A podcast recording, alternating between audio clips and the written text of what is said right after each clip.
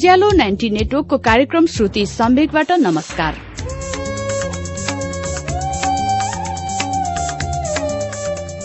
वरिष्ठ साहित्यकारहरूका उत्कृष्ट गद्यहरू वाचन गरिने कार्यक्रम श्रुति सम्वेकको आजको श्रृंखलामा हामीले तस्लिमा नसलिनको उपन्यास प्यासभित्रको विद्रोह लिएर आएका छौं।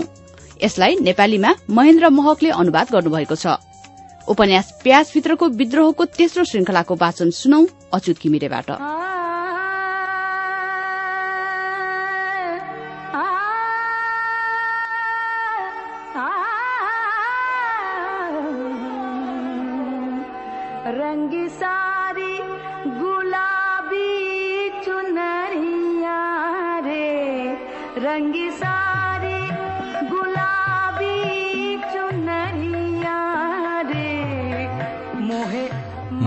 म बाहिर गएकोमा अल्ताफले कहिले कुनै गुनासो गरेको थिएन।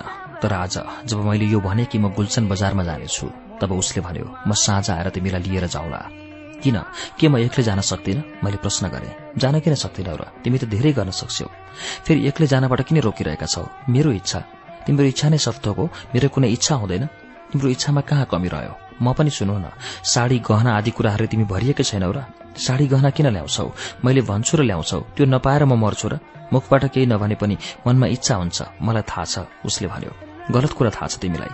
यो तिम्रो गलत सोचाइ हो। तिम्रो विचारमा सबै आइमेहरू साडी गहनामा बिकाउ हुन्छन्। तिमीले दिन्छौ त्यसैले तिनमै डुबिरहन्छु।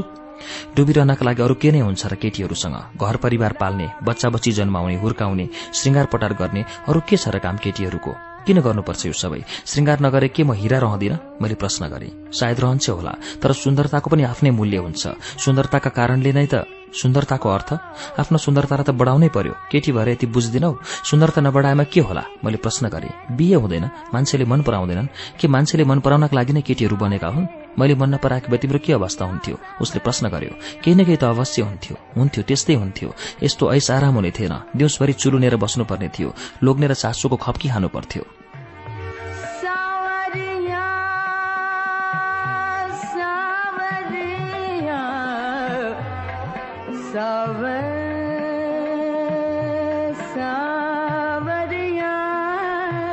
मैले लामो सास छोडेर भने हो अहिले त सासूको र लोग्नेको माया अटाउनै नसक्ने गरी पाएको छु। तिमीहरूले त धेरै सुख दिइरहेका छौ नि मलाई। यति सुखी भएर म पीड़ामा रहनु के शोभलाग्दो छ र?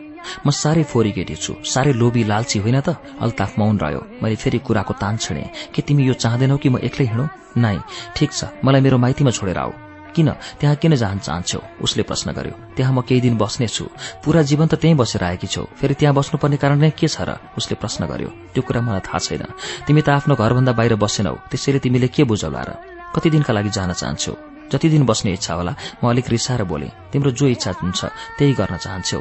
इच्छा अनुरूप गर्नु के गलत कुरा हो र? मेरा इच्छाहरू त्यति नराम्रा त छैनन् नि। राम्रो त केही देखिँदैनन् उसले बतायो। अल्ताफ कुरा गर्दा यताउति घुमिरहेको थियो।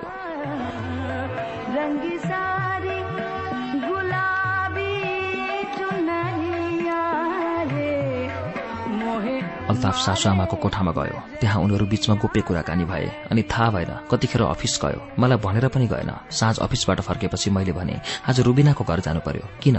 जाने इच्छा लागिरहेको छ। वायात कुराहरूको इच्छा फेरि नगर्नु। त्यो आइमाईले तिमीलाई बिगारिरहेकी छे मैले भने उसको कुनै दोष छैन। दुईटी बसेर फोहोर कुराहरू उडाएका छौ। अझ भन्छ उसको कुनै दोष छैन? उसले मलाई गाली गर्यो।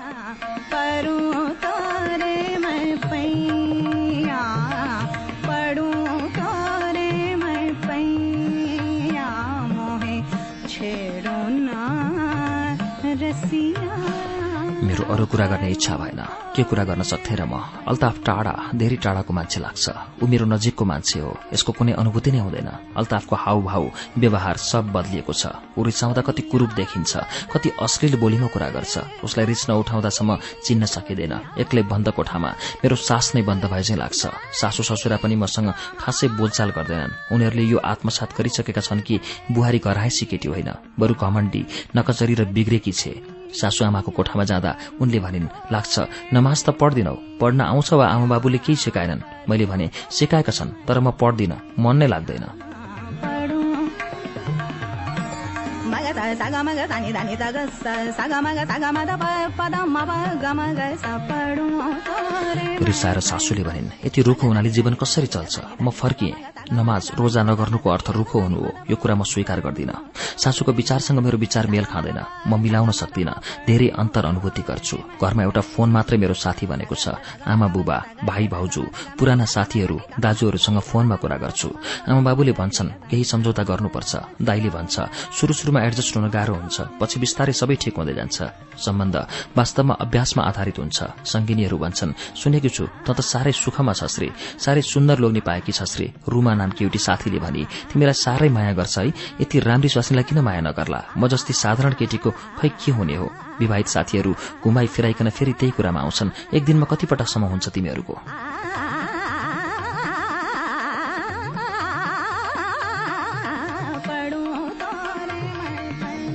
उनीहरूको प्रश्नले म भित्र फेरि त्यही भावनालाई जन्म दिन्छ। मन भारी बन्छ। स्वयंलाई अत्यन्तै लाचार महसुस गर्छु। भन्छु कतिपटक थाहै छैन। साथीहरूमा सबैभन्दा बढी मिल्ने साथी शर्मिन हो। उसले हाँसेर भन्छे लुकाउँदैछस्? लुकाउनु पर्ने कुरा नै के छ र? यो सब चर्चा गर्न मलाई राम्रो लाग्दैन। के भन्छस्? अहिलेसम्म बच्चा भएको छैन। र अहिले नै यो सब राम्रो लाग्न छोडिसक्यो। बिहेको कम्तीमा पाँच छ वर्ष त यो साह्रै आनन्ददायक लाग्छ नि।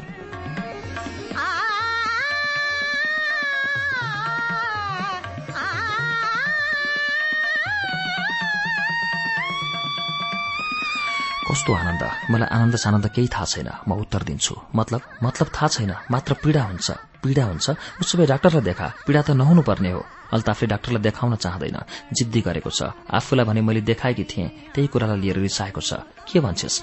हामी त सुखी छौं। यद्यपि अरू समस्याहरू छन्। यस्तो कुनै समस्या छैन। कस्ता समस्या? पढ्ने इच्छा छ तर लोग्नेले पढ्न दिइरहेको छैन। जागिर खान चाहिरहेको छु त्यो पनि दिँदैन। दिउँसभरि घरमा बसी बसी दिक्क हुनु राम्रो लाग्दैन। मलाई पनि राम्रो लाग्दैन। दुवै मिलेर केही गरौँ न। पढाइ लेखाइ या फेरि अर्को कुनै कामकाज। हुन्छ विचार गरौँला। आफ्नो लोग्नेलाई भन्। म पनि भन्छु घरमा बसी बसी लाग्छ शरीरमा खिया लाग्दैछ।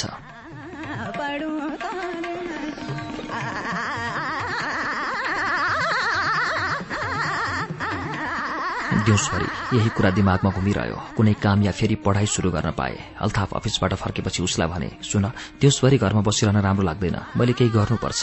ओछ्यानमा पल्टिएकै अवस्थामा अल्ताफले बेन्सन एण्ड हेजेट चुरोट सल्कायो। ओठमा चुरोट दबाएर भन्यो के गर्नुपर्छ? बिए जोइन गरौं कि?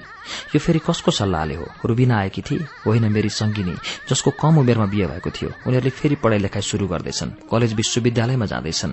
वा कस्ता रहर हुन्? कमिलाका प्वाख आएपछि यस्तै हुन्छ। मैले काइयोले कपाल कोरिरहेकी थिएँ। काइयो भएको हात काँप्यो। मानौ कसैले शरीरमा चिसो पानी खनाएको होस्। शान्त स्वरमा भने तिमी बदलिँदै गएका छौ अत्ला अल्ताफ। बदलेको होइन। जस्तो देउता उस्तै पूजा शब्दहरूलाई चबाउँदै अल्ताफले भन्यो। अल्ताफले जानी बुझी मन दुख्ने कुरा गर्छ। मलाई लाग्छ ऊ यो चाहन्छ कि उसका यो कुराबाट मेरो मन दुखोस् उसले दिएको खाना र लुगा लगाउँछु। त्यसैले नचाहेर पनि यो शरीर त उसको लागि ओछ्याउनु नै पर्छ ताकि आफ्नो इच्छा अनुसार उसले यसलाई कुल्चन सकोस्।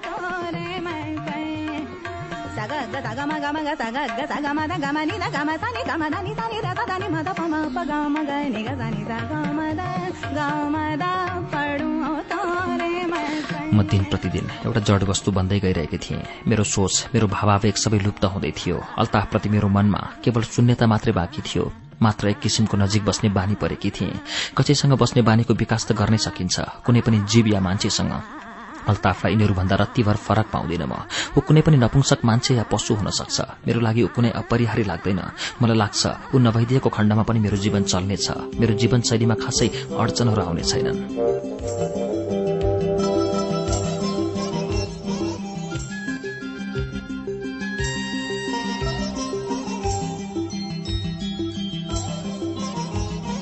एक दिन मेरो एउटा मावली भाइ मलाई भेट्न आयो। रतन मेरो उमेरकै छ। साथी जस्तै थियो। ओहो ठूलो गृहस्थी चलाउँदैछस् दस दिनकी केटी पनि यति जिम्मेवार कसरी बनी? पूरा घर हेरेर रतनले भन्यो। केटीहरू गृहस्थ हुन सक्दैनन् भने अरू के सक्छन्? मेरो उदास जवाफ थियो। रतनसँग बाल्यावस्थाका कुरा भए। एकपटक रतन मेरो लागि अम्बा टिप्न भनी रूखमा चढ्दा रूखबाट खसेर उसको खुट्टा भाँचियो। त्यसका लागि कति रोएकी थिएँ म। तिमीलाई टुटुलको घटना याद छ? कसरी पिटाइ खाएका थियौ? के अचेल पनि मामा राति भूत भूत भनेर बिउजनुहुन्छ मेरो आँखामा ती दिनहरूप्रतिको मोह नाचिरहेको थियो।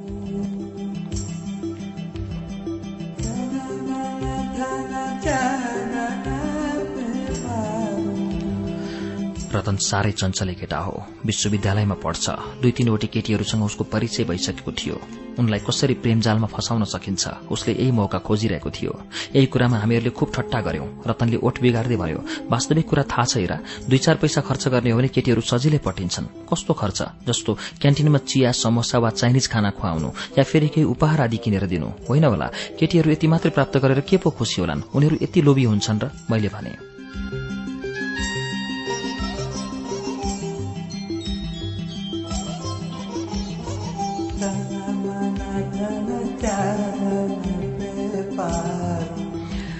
तिमीलाई केटीहरू भने थाहा छैन। कति दुष्ट हुन्छन् तिनीहरू। रतनले भन्यो दुष्ट हुन्छन् भने फेरि उनीहरूलाई नै प्रेम गर्नुपर्ने कारण के त? कारण छ किनकि प्रेम नगरेर सुखै छैन। दुष्टहरूलाई प्रेम गर्नुपर्ने भयो त। यसबाहेक अरू कुनै उपाय पनि छैन। यो उनीहरू बिना तिम्रो कुनै उपाय छैन। रतनले जान चाह्यो। मैले नै उसलाई रोकेर भने खाना खाएर जानु। दिउँसो हामी दुईले सँगै खाना खायौं। रतनले भन्यो तिमी साह्रै सुखमा छौ। सुख कुन चरीको नाम हो? के ठूलो घर गाड़ी राम्रो खाना टीभी डिसेन्टेना यी सबै हुनुलाई सुख भनिन्छ? यही त हो जे चाहिरहेकी छौ त्यो पाइरहेकी छौ। यो घरमा धेरै कुरा छन्। यो सत्य कुरा हो। तर जुन कुरा मैले चाहिरहेकी छु त्यो पाइरहेको छु यो कुरा असत्य हो।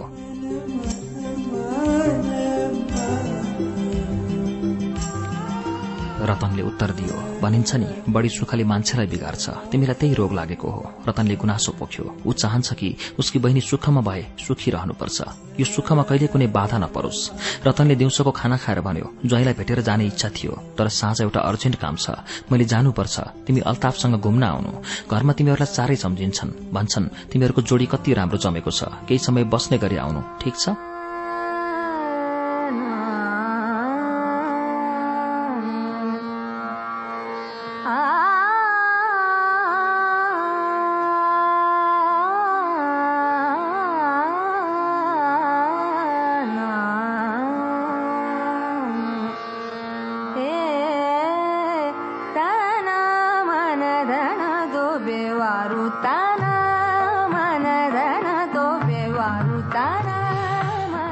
बेलुकी घर आएपछि मैले उसलाई रतनको बारेमा बताएँ कि ऊ यहाँ आएको थियो र दिउँसोको खाना खाएर गएको हो। अल्ताफले आँखा तर्दै भन्यो को रतन उही इनायत मामाको छोरा। चिनेनौ केही दिन पहिला तिमीलाई एउटा सर्ट उपहार दिएको थियो नि? ए के भन्थ्यो उसले? कुराकानी गर्यो? के कुरा गर्यो? तिनै आफ्ना बाल्यावस्थाका कुरा आफ्ना विश्वविद्यालयका कुरा। अरू? अरू के? तिनै गफगाफ। यहाँ घरमा यिनै बाल्यावस्थाका कुरा गर्न आएको थियो? मामाको छोरासँग बाल्यावस्थाका त कुरा हुन्छन्। हामी त साथैका हौं। म त दस वर्षकी हुन्जेलसम्म नैनीहालमा थिएँ।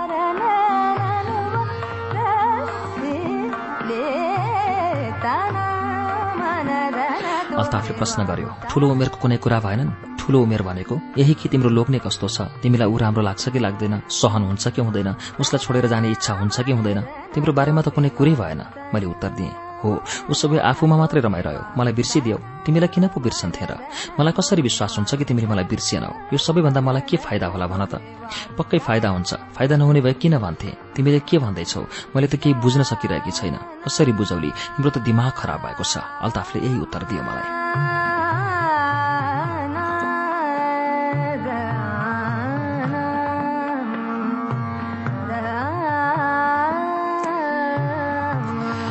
साँच्चीकै मेरो टाउको फनफनी घुमिरहेको थियो। अल्ताफ खाना खाने बेला बारम्बार बोलिरहेको थियो मावली भाइको नजर धेरै राम्रो हुँदैन। ऊ फेरि किन आउँछ यहाँ? आवश्यक भए नि पनि। आउनुपर्ने काम के छ उसको? रातभरि मलाई निद्रा परेन। श्वास बन्द होला चाहिँ भयो। बिस्तारै उसले मलाई कहाँ दकल्दैछ अल्ताफले चाहन्छ कि रतन फेरि कहिले नआओस्। मैले उसको यो कुरा मान्नै पर्छ किनकि यो घर अल्ताफको हो। समय समयमा उसले यो कुरा मलाई चेत गराउँदै आएको छ।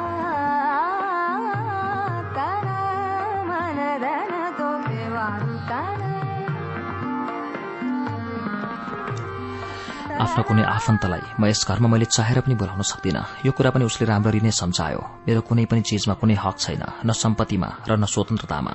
मावली भाइको नजर धेरै ठिक हुँदैन। यो भन्नुको तात्पर्य के हो? के रतनले मलाई कुदृष्टिले हेर्छ? अल्ताफ अनाहकमा शंका गर्छ। मलाई थाहा छ यो आधारविहीन शंकाको कारण यो हो कि उसले यो मानिरहेको छ कि म कसैप्रति आकर्षित भइरहेको छु। रतनप्रति एक साँझमा अल्ताफका तीनजना साथीहरू घरमा आए। उनीहरूसँग मेरो परिचय छ। अल्ताफले उनीहरूका घरमा मलाई लगिसकेको थियो। जब उनीहरू बैठक कोठामा मजाले गफ गरिरहेका थिए मलाई पनि त्यहाँ गएर उनीहरूसँग चिया खाने केही कुरा गर्ने इच्छा भयो। कपालमा काइयो गरेर जानै आँटेकी थिएँ। अचानक अल्ताफ कोठामा आयो र उसले भन्यो मैले उनीहरूलाई भनिसकेको छु कि तिमी बिरामी छौ र सुतेकी छौ।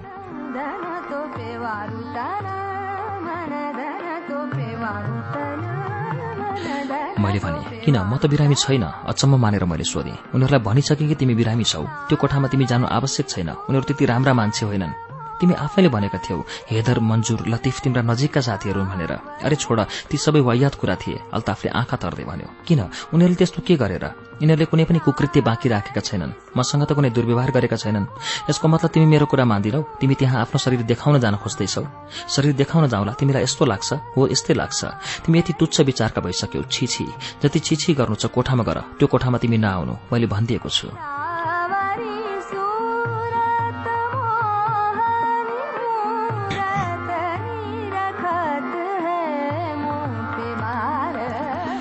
त्यो कोठाबाट हाँसोको आवाज आइरहेको थियो। उनीहरू रक्सी पिउँदै थिए। प्राय साँझतिर उनीहरू स्कच हुस्कीको बोतल खोलेर बस्छन्। म कोठामा एक्लै बसिरहन्छु। स्वयंलाई नितान्त एक्लो महसुस गर्छु। मानव यो संसारभरि आफ्नो कोही छैन। मलाई सबैले अल्ताफलाई आफ्नो मान्न सिकाएका थिए। उसलाई त मैले आफ्नो मान्थे पनि तर यो कस्तो आफन्त हो जो एक्लै मोजमस्ती गरिरहेको छ। मलाई एक्लै छोडेर अचानक मैले मेरा आँखाभरि आँसु भरिएको अनुभूति गरेँ। रोक्न सकिन सिरानी भिजियो।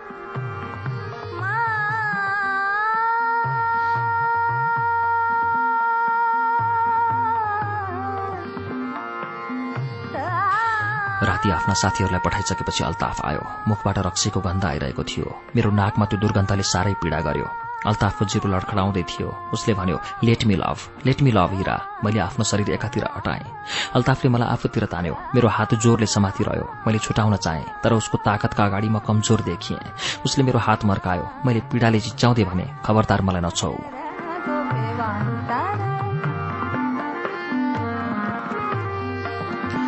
अचानक अल्ताफले मेरो गालामा बेसरी हिर्कायो। म छक्क परे। अल्ताफ मेरो लोग्नेले मलाई पिट्दैछ। पहिला त विश्वासै भएन। झगडा हुन्छ ठिक छ। तर अन्ततः उसले म माथि हातपात गर्यो। उसले मलाई अझ बढी छक्क पार्यो। जब उसले मेरा गालामा लगातार हिर्काउन थाल्यो म आफ्नो पूरा ताकत लगाएर पनि स्वयंलाई छुटाउन असमर्थ भएँ।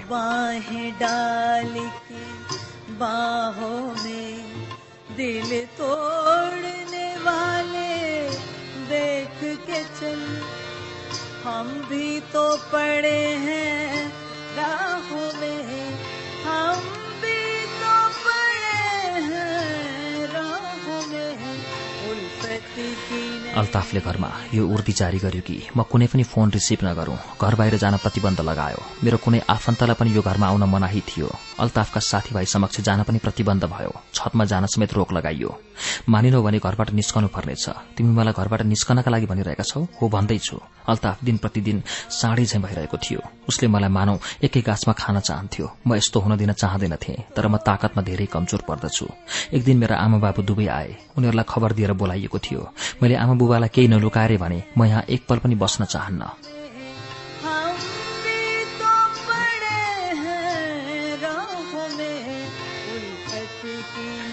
आमा छक्क पर्नुभयो। उहाँले भन्नुभयो पागल त भइनस् त। अझै पनि के त बच्चा छस्? ठुली भइसकिस्। बुद्धि कहिले पलाउने हो? पागलपन नदेखा छोरी। म एक बस्दिन दुई बस्दिन बस्दै बस्दिन। किन बस्दिनौ? अल्ताफले मलाई पिट्छ दुवैजना डराए। हो मैले स्पष्ट भनिदिएँ। के भन्दैछस्? आमा बुबा दुवै गम्भीर देखिए। त्यसै बेला अल्ताफ आइपुग्यो। आमा बुबालाई अभिवादन गर्यो। उसले भन्यो हालचाल त राम्रै छ। अब्बा अम्मा सुनेको थिएँ। तपाईँलाई डायबिटिज भएको छ। हो बाबु स्वास्थ्य त्यति ठिक छैन। मेरा बुवा आमाले भने मेरो एउटा साथी डायबिटिज हस्पिटलमा डाक्टर छ भोलि बिहान म गाडी पठाइदिउँला। तपाईँ काइगोली आउनुहोला। म आफै तपाईँलाई अस्पताल लिएर जाउँला। हुन्छ बाबु। आमाले राहतको श्वास लिनुभयो।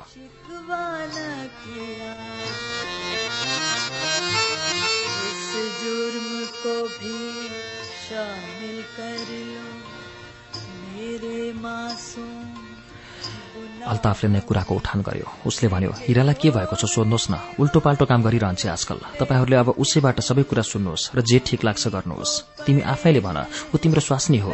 आमाले बिस्तारै भन्नुभयो। स्वास्नी भइ त के भयो? श्रीमतीको कुनै दायित्व पूरा गर्छ र यसले? यसलाई सोध्नुहोस् न। आमाले भन्नुभयो के यो कुरा साँचो हो हिरा अल्ताफले के भन्दैछ? सुन्दैछस्? किन सुन्दिन र? बहिरी छैन नि म पनि। मैले भने जिम्मेवारी पूरा किन गर्दिनस् भन्? आमाले भन्नुभयो मेरा बुढा आमा बाबु यस घरमा बस्छन्। आफ्नै छोरीलाई सोध्नुहोस् उनीहरूको कुनै सेवा गर्छ यसले? उनीहरूले के खान्छन्? कति बेला खान्छन्? केही थाहा हुन्छ यसलाई?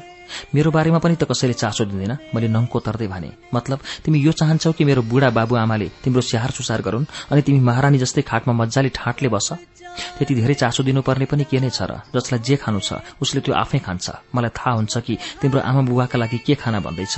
यो काम त रमजानले आफै गर्छ कुनै समस्या छैन। फेरि उनीहरूले बोलाएको बेला त म आफै गइहाल्छु नि। घरमा बुहारी हुँदाहुँदै यो जिम्मेवारी रमजानको किन हो? अल्ताफले मेरो आमा बाबालाई हेरेर यो प्रश्न गर्यो। किनकि मभन्दा बढी उसलाई थाहा छ। फेरि अर्को कारण पनि छ। मैले अल्ताफतिर हेर्दै भने के कारण?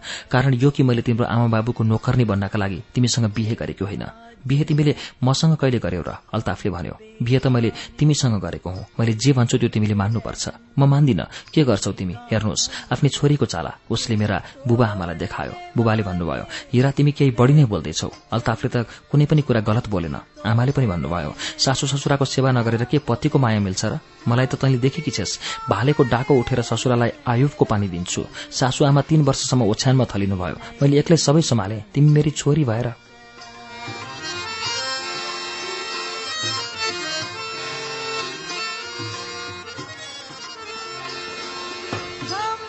मैले ठाडो जवाफ दिएँ। तपाईँले गर्नुभयो भन्दैमा मैले गर्नै पर्छ र यही नियम हो। नियम बदल्न सक्छौ के? जस्तो रीति चलिआएको छ त्यो त तिमीले गर्नै पर्छ मलाई जे राम्रो लाग्दैन त्यो म गर्दिन। सुन हिरा तिम्रो इच्छाले यो घर चल्दैन। अल्ताफको आवाजमा कडापन थियो। किन चल्दैन? भन्छौ यो मेरो घर हो। प्राय भनिरहन्छौ। आफ्नो घरको कामकाज आफै गर। यदि यो घर मेरो हो भने त मेरो इच्छाले यो किन चल्दैन? कामका लागि म अनि इच्छा र अर्डरका लागि तिमी मुख सम्हालेर कुरा गर। सोमत नभएकी केटी उसले मलाई गाली गर्यो।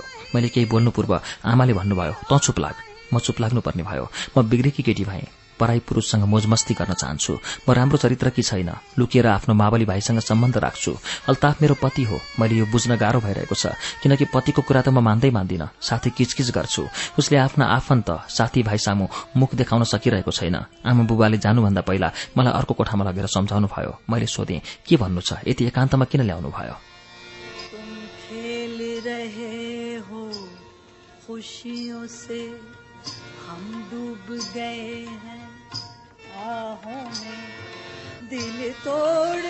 बुबाले भन्नुभयो ज्वाइँले जस्तो भन्छन् त्यसरी नै हिँड। बढी जिब्रो चलाउने काम नगर। तिम्रो पनि कम दोष छैन। आफ्नो वरिपरि हेर। बंगाली छोरीचेलीहरूले के गर्छन्? तिम्रो आमाले के गरी? तिम्रो हजुरआमाले के गर्नुभयो? यिनीहरू कसैको पनि आफ्नो लोग्नेसँग कहिले कुनै विरोध भएन। तिमीसँग मात्र यो किन भइरहेको छ? जब तिमीसँग नै यो भइरहेको छ भने यो सोच्नै पर्ने भयो कि तिमीमा नै कुनै कमी छ। गडबडी जे छ त्यो उसमा नै छ ममा कुनै कमी छैन। कुरा नगुमाऊ। सबैले भन्छन् अल्ताफ साह्रै राम्रो केटा हो। सबैले भन्दैमा के हुन्छ? उसको बारेमा जति मैले थाहा पाउँछु त्यति त अरू कसैलाई थाहा छैन। तिम्रो दिमाग अहिले ठिक छैन। पछि थाहा पाउनेछौ यो कुरा। फेरि रतन यहाँ किन आउँछ?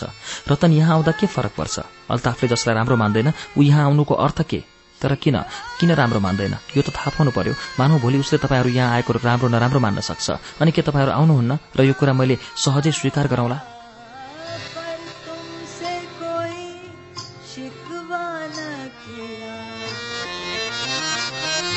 मैले फेरि बुबा आमाका गाली खाएँ। तिमी केही बढी नै बोलिरहेकी छौ इरा। हामीसँग तिमीभन्दा बढी बुद्धि छ। तिमीभन्दा बढी दुनियाँ देखेका छौं हामीले। जे भन्दैछौ त्यो सुन अझै पनि समय छ। सुधार आफूलाई। योभन्दा राम्रो म बन्न सक्दिन मैले भने। आफ्नो भाग्य आफ्नै हातले बर्बाद नगर हिरा मेरी छोरी भएर तिम्रो यो निस्ता ज्वाइँले घरमा बोलाएर छोरीको बारेमा गुनासो गर्छ भने योभन्दा लज्जास्पद कुरा अरू के हुन सक्छ? छी छी। उहाँहरूले दिक्क मान्नुभयो।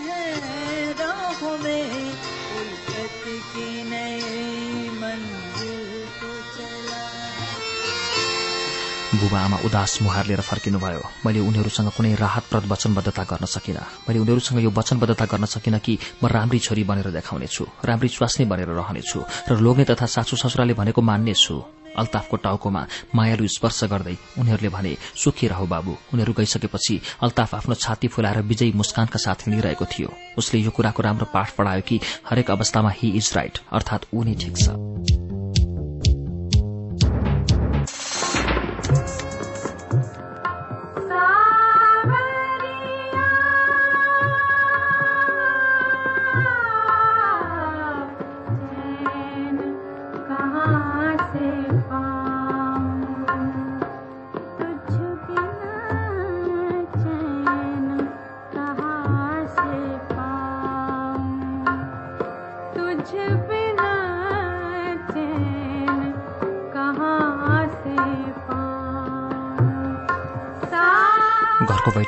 यो कुराको तय गरियो कि मैले फोन छुन पनि पाउने छैन। फोन त मैले गर्न पाउँदिन। आएको फोन पनि सासूले उठाउनुहुनेछ। घरको मुख्य ढोकामा तालचा लगाइएको छ ताकि मेरो परिचित कोही पनि यस घरमा आउन नसकोस्। साँचो सासू आमासँग रहने भयो।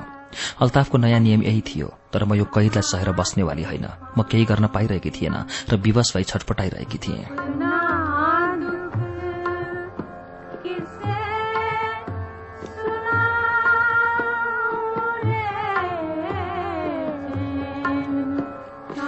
मलाई फोन गर्न आवश्यक नहोला तर के मैले चाहँदा कसैलाई फोन गर्न नपाउने? मलाई यो प्रतिबन्ध किन? यो कैद होइन केवल अपमान हो मात्र अपमान।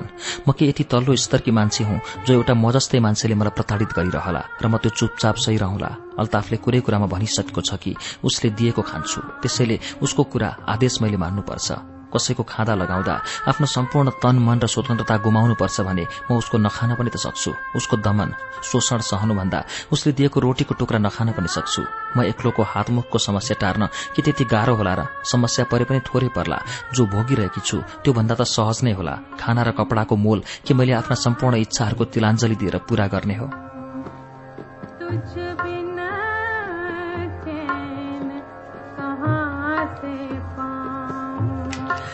मलाई यस्तो पनि लाग्छ।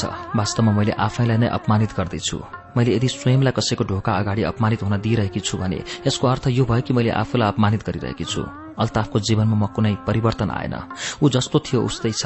यति बेलासम्म उसलाई फाइदा यो भयो कि उसलाई राति खेल्नका लागि एउटा जिउँदो पुतली प्राप्त भयो। तर मलाई के मिल्यो? बुबाको घरमा खाना र कपडा मिल्थ्यो सो यहाँ पनि मिल्यो। तर बुबाको घरमा शारीरिक यातना खप्नु पर्दैन थियो जुन कुरा यस घरमा खप्नुपर्छ। त्यसैले मलाई यो लाग्दैन कि मेरो बुबाको घर मेरा लागि कुनै राम्रो ठाउँ थियो किनकि त्यही घरमा मलाई यस घरका लागि बनाइएको हो। अरू केही पनि गरिएन। म राम्रो खाना पकाउन सकौं राम्रो बोल्न सकौं श्रृंगार पटार गर्न सकौं यही तालिम दिइयो मलाई त्यो घरमा। म आफ्नो लोग्नेलाई खुसी पार्न सकौं म दबाव सहौं कैदी झै बनौं यही कुराको शिक्षा दिइयो मलाई र मैले पनि यो सबै चुपचाप नबुझेरै सिकिरहे सोचेकी थिएँ सायद यो नै वास्तविक सुख हो तर कहाँ? सुख त मैले पाएकी नै छैन मेरो विचारमा यो मेरो वास्तविक सुखको बाटो होइन सुखका लागि अरूमाथि आश्रित रहनु राम्रो होइन पतिले यदि सुख दिन्छ भने सुख पाइन्छ दिँदैन भने पाइन्न यो कुराले मलाई सताइरह्यो मैले स्वयंलाई एउटा जड जस्तै अनुभव गरिरहेकी थिएँ।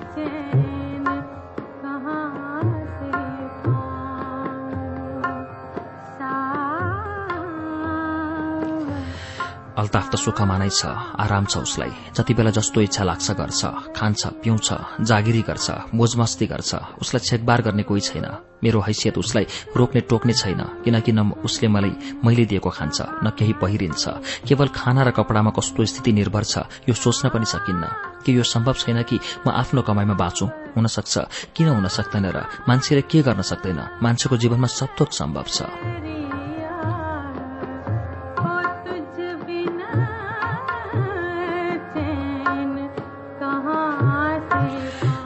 यो बन्दी जीवनले बिस्तारै मेरो दिमागलाई बिगार्दैछ। कहिलेकाहीँ विचार आउँछ चुपचाप निस्केर कतै जाउँ। कसैलाई थाहा हुने छैन कि कहाँ गए। टाढा कतै गएर केही न केही त गरौँला। संसारमा कामको कुनै कमी छ र फेरि सोच्दछु यी केटीहरू जो हाउसवाइफ बनेर बसेका छन् यिनीहरू त सुखी देखिन्छन्। कसैलाई कुनै गुनासो छैन के उनीहरू साँच्चैकै सुखी छन् या फेरि सुखी भएको नाटक गर्छन्।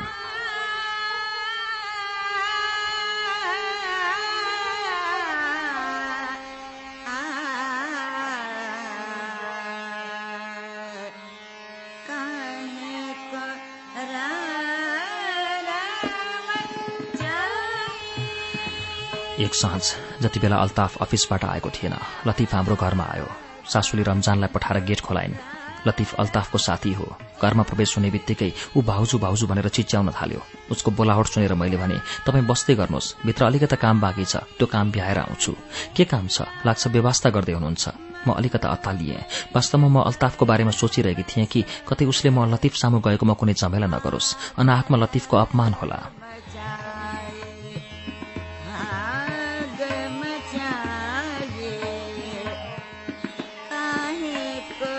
आजभोलि तपाईँलाई के भएको छ? तपाईँ हाम्रो घर पनि आउनुहुन्न। फेरि यहाँ आएको बेला पनि हाम्रो समूह आउनुहुन्न। सुनेको थिएँ कि तपाईँ बिरामी हुनुहुन्छ। अहिले कस्तो छ? लतिफले प्रश्न गर्यो। मैले कुनै जवाफ दिइनँ। भन्नका लागि केही छ जस्तो पनि लागेन। लतिफले फेरि भन्यो हामीहरूले तपाईँलाई साह्रै मिस गर्छौं भाउजू। मैले लामो श्वास छोडेँ। के भएको छ? केही बोल्नुहुन्न? मैले फेरि पनि लामो श्वास छोडेँ। सानो छँदा जब बाबुआमाले हप्काउँथे तब मन शान्त गर्नका लागि म कतै एकान्तमा गएर बस्थेँ। घाँटिनेर आएर सारा दुःख जम्मा हुन्थ्यो। पिठोमा कसैले हात राखेपछि रोइदिन्थे। लतिफको कुराले म झण्डै रोइसकेकी थिएँ। स्वयंलाई रोकेँ।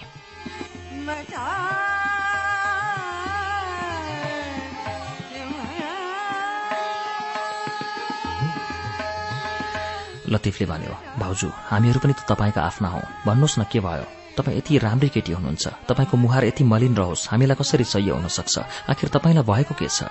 होइन केही भएको छैन। घरमा कुनै कुराको कमी छैन। मैले उत्तर दिएँ। अभाव केवल भौतिक वस्तुको मात्रै हुन्छ र अरू कुनै चिजको हुँदैन। म चुप रहेँ। कमी कति कुराको छ? यसको मलाई राम्रो ज्ञान छ। मेरो हाड मासुलाई मात्रै थाहा छ कि कमीले मेरो शरीरलाई कति प्यासी राखेको छ। लतिफले हाँस्दै भन्यो अल्ताफमा यो गुण छ। कस्तो गुण? सोध्नु पर्यो। त्यसैले सोधिहाले। उसो त उसका गुणहरूका बारेमा जान्ने इच्छा थिएन। जसमा कमजोरी यति धेरै हुन् उसमा गुण नै के हुन सक्थ्यो र उसले कुनै केटीलाई आँखा उठाएर पनि हेर्दैनथ्यो बिहेभन्दा पहिला हामीहरूलाई जिस्काउँथ्यौं कि यस्तै हो भने तेरो बिहे हुनेवाला छैन। सायद उसको बिहे गर्ने इच्छा नै थिएन।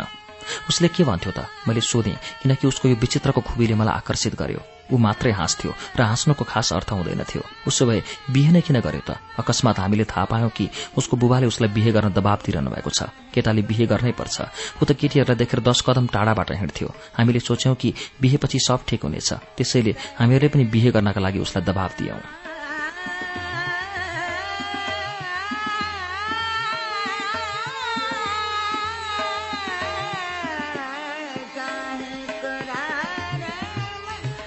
मैले ध्यानपूर्वक उसका कुरा सुनिरहेँ। साह्रै छक्क पार्ने कुरा थियो। लतिफले हाँस्दै भन्यो जस्तो हामीले सोचेका थियौं बिहेपछि सबै ठिक भइहाल्यो। त्यही भयो पनि। के त्यही भयो? मैले पनि हाँस्दै प्रश्न गरेँ भयो या भएन? त्यो कुरा त तपाईँलाई राम्ररी थाहा छ। अचल जोइटिङले भएको छ। म चुप लागेँ। लतिफलाई अल्ताफको कमीका बारेमा केही भन्न सक्दैनथे।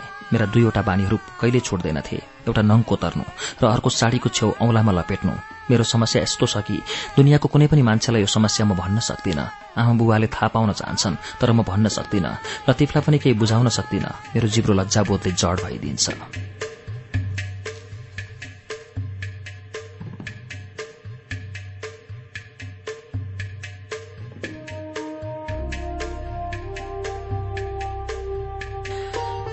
घरमा पस्ने बित्तिकै अल्ताफले देख्यो म लतिफसँग कुरा गरिरहेकी छु। ओहो के छ हालखबर कतिखेर आइस त? अल्ताफले हार्दिकताका साथ भन्यो धेरै बेर भयो। भाउजूसँग बसेर गफ गर्दै थिएँ। अरे हिरा केही चियापानी खुवायो कि खुवाएनौ? छैन। तपाईँहरू बस्दै गर्नुहोस्। म बनाएर ल्याउँछु। आफैले चिया बनाएर ल्याए। अल्ताफले भन्यो वा लतिफको कारणले मैले आज हिराले बनाएको चिया पिउँदैछु। लतिफ त सधैँ आउने गर है? अल्ताफले चियाको घुट्की लियो र मतिर मुग्ध भावले हेऱ्यो। अल्ताफभित्र त्यो भयानक रूपको लेस मात्र पनि थिएन। विश्वास नै हुँदैन। यही मान्छेले मलाई कसैसँग कुरा गर्नबाट प्रतिबन्ध लगाएको छ। हेर्दा त यस्तो लाग्छ। मानव यति बेरसम्म मैले लतिफको साथ दिएकोमा ऊ म प्रति आभारी छ।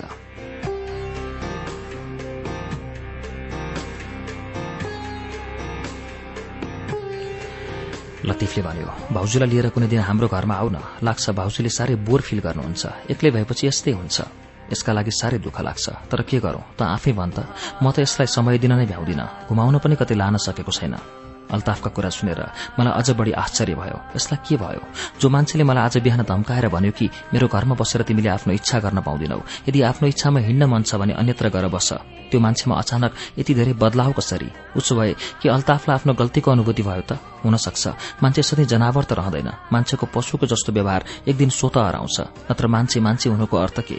लतिफले भन्यो कुनै केटीलाई देखेर तिमी भाग्थ्यौ के? ती कुरा भाउजूलाई सुनायो? अल्ताफले हाँस्दै भन्यो किन नभाग्नु त? पिएपछि स्वास्नीलाई माया जो गर्नु थियो त्यसैले त सबैबाट बचेर हिँड्थे।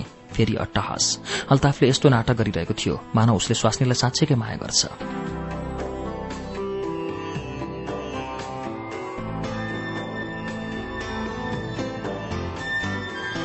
लतिफले व्यङ्ग्य गर्दै मलाई भन्यो के हो भाउजू यस्तो? बन्धन अलिकता खोकुलो बनाउनु पर्यो नत्र भने यो कुवाको भ्यागु त भइसक्यो।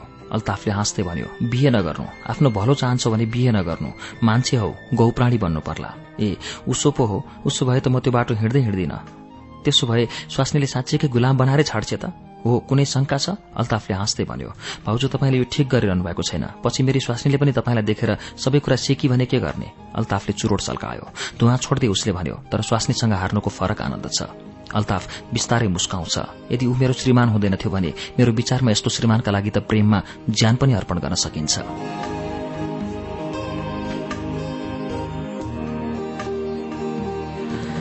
मेरो भन्नुको तात्पर्य यो हो कि पूर्णतः आत्मसमर्पण गर्नुपर्छ। अल्ताफले आँखा नचाउँदै भन्यो यस्तो नगरेको खण्डमा किचकिच डाडु पन्यौको मार दुवै साथी बेस्तरी हाँस्न थाले। म मौन बसिरहे।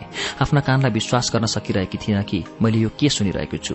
अल्ताफले पूर्णतः एउटा ठगले झैं कुरा गरिरहेको थियो।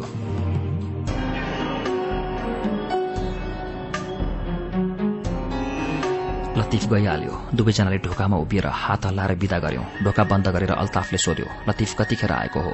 चार बजे। म घर आउँछु पाँच बजे। यो चार बजे यहाँ किन आएको हो? त्यो कुरा मलाई के थाहा?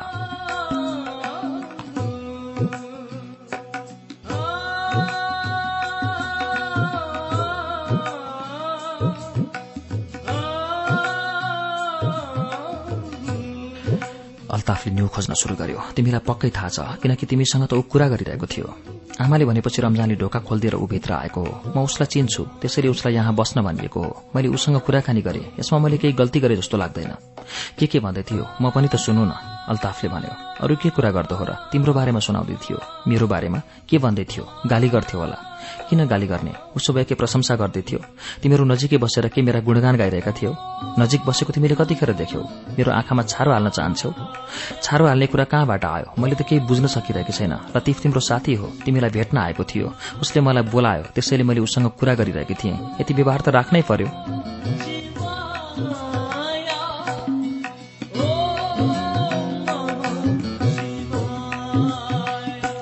अल्ताफले झर्केर भन्यो छोडा आफ्नो व्यवहार। लतिफ किन आएको थियो? साँचो कुरा भन। पहिलादेखिकै कार्यक्रम थियो कि के? मतलब कुरा बुझ्दैनौ तिमी दुध पिउने बच्चा हो तिमी तर तिम्रो कुरा मैले केही पनि बुझिन बुझ्नेछौ समय आउँदा सबै कुरा बुझ्नेछौ तिमी के भन्दैछौ? यो लोफरसँग तिम्रो यति गहिरो मित्रता कहिलेदेखि भयो? तिमीलाई के लाग्छ म केही पनि कुरा बुझ्दिन? उसँग मेरो मित्रता किन हुनु? हेर वायात कुरा नगर। म ठिक भन्दैछु तिम्रो यो धोकालाई म सहन सक्दिन। अल्ताफले कपडा बदल्यो र बार्दलीको कुर्सीमा गई बस्यो। उसलाई हेर्न पनि मलाई लाज लागिरहेको थियो। मलाई यस्तो लागिरहेको थियो। मानौ लतिफसँग साँच्चीकै कुनै कार्यक्रम तय थियो। मलाई यस्तो लाग्न थालेको थियो कि मैले साँच्चीकै अल्ताफलाई धोका दिएँ।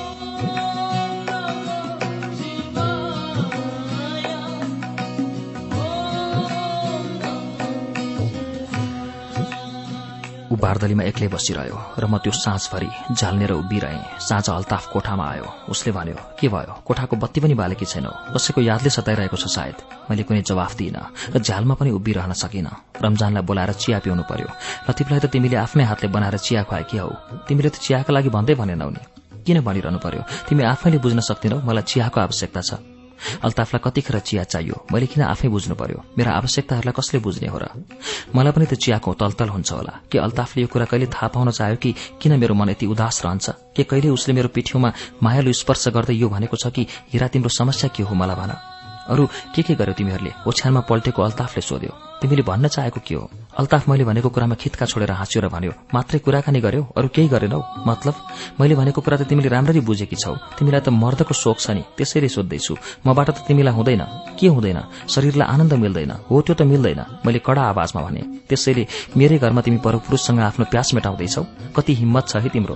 यदि कोही मलाई भेट्न आएको छ भने र मलाई भेटेन भने ऊ तुरन्तै फर्कन्छ। यहाँ तिमीले मेरै साथीसँग मेरै घरमा यौवनको आनन्द लुट्दैछौ मलाई यी सब कुरा सुन्न राम्रो लागिरहेको थिएन। मैले आफ्ना कान हातले बन्द गरेँ। ऊ मलाई गलत सोच्दैछ। म माथि शंका गर्दैछ। म कसरी उसको शंका निवारण गर्न सक्छु? म कसरी यो सर्पको टोकाईबाट बस्न सक्छु? मैले स्वयंलाई साह्रै कमजोर महसुस गरिरहेकी थिएँ। यो संसारमा म जस्तो रिक्त र असहाय सायद कोही छैन होला। मलाई त्यस्तो लाग्न थाल्यो।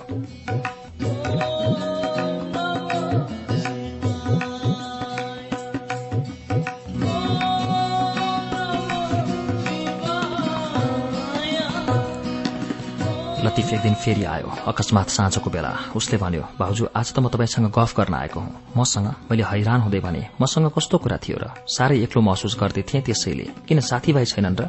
सधैँभरि साथीभाइ मात्र पनि राम्रो लाग्दैनन् लतिफले सोफामा आरामले बस्दै भन्यो म उसँग के कुरा गरौं? म केही बुझ्न सकिरहेकी थिइनँ।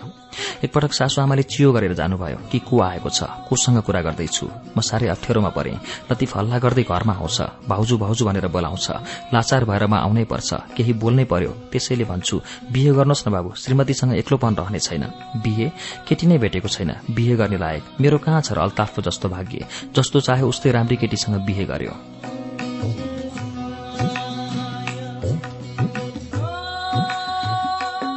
लतिफको कुरा मलाई राम्रो लागेन। त्यो दिन अल्ताफले भनेको थियो कि लतिफ एउटा बिग्रेको केटा हो। सायद यो लतिफ त्यस्तै छ। नत्र भने यसले मसँग किन भन्यो कि यसलाई एक्लो एक्लो जस्तो लाग्छ? उसो भए के ऊ आफ्नो एक्लोपन मेटाउनका लागि म कहाँ आएको हो? लतिफ अल्ताफ जस्तो अग्लो पनि छैन। न त उसको जस्तो राम्रो स्वास्थ्य छ। मुहार पनि राम्रो छैन। तर पनि हेर्दा नराम्रो देखिँदैन। हाँसोमा एक किसिमको चमक छ। सेभ गरेका गालाहरूले उसको सुन्दरता बढ़ाइरहेका हुन्छन्। अल्ताफ हेर्दा आकर्षक त छ तर ऊभित्र यसको जस्तो पौरुष त छैन। मैले लतिफलाई एक टक हेरिरहेँ। कार्यक्रम श्रुति सम्वेकमा भर्खरै सुन्यौं प्यासभित्रको विद्रोहको तेस्रो श्रृंखला। बंगलादेशी लेखिका तस्लिमा नसरिनले उपन्यास प्यासभित्रको विद्रोह लेख्नु भएको हो। यसलाई नेपालीमा अनुवाद दाङका महेन्द्र महकले गर्नुभएको छ। महिलावादी लेखिका तस्लिमा नसरिनको उपन्यास लज्जा प्रकाशित भएपछि उहाँ चर्चित हुनुभएको हो। उहाँका धेरै उपन्यासहरू विभिन्न भाषाहरूमा अनुवाद गरिएका छन्। हवस् आजको लागि श्रुति सम्वेकको समय सकिएको छ। उज्यालो नाइन्टी नेटवर्कको कार्यक्रम श्रुति सम्वेक तपाईँलाई कस्तो लाग्दैछ? प्रतिक्रिया दिन नबिर्सनुहोला। हाम्रो ठेगाना हो कार्यक्रम Shruti Sambeg post box number छ चार छ नौ काठमाडौँ। र हाम्रो इमेल हो S H R U T I at UNN dot com dot NP Shruti सम्वेकको मंगलबारको श्रृंखलामा तस्लिमा नसरिनको उपन्यास प्यासभित्रको विद्रोहको चौथो श्रृंखलाको वाचन हुनेछ। तर शुक्रबारको श्रुति सम्वेकमा आजकै समयमा तपाई हाम्रो भेट फेरि हुनेछ। त्यसबेला हामी कृष्ण धरावासीको उपन्यास राधा लिएर आउनेछौ। त्यसबेलासम्मका लागि प्राविधिक साथी दिनेश निरौला र विशालजित पालिकेसँगै अच्युत घिमिरे र म मन्टेश्वरी राजभण्डारी पनि विदा पाउ शुभरात्री।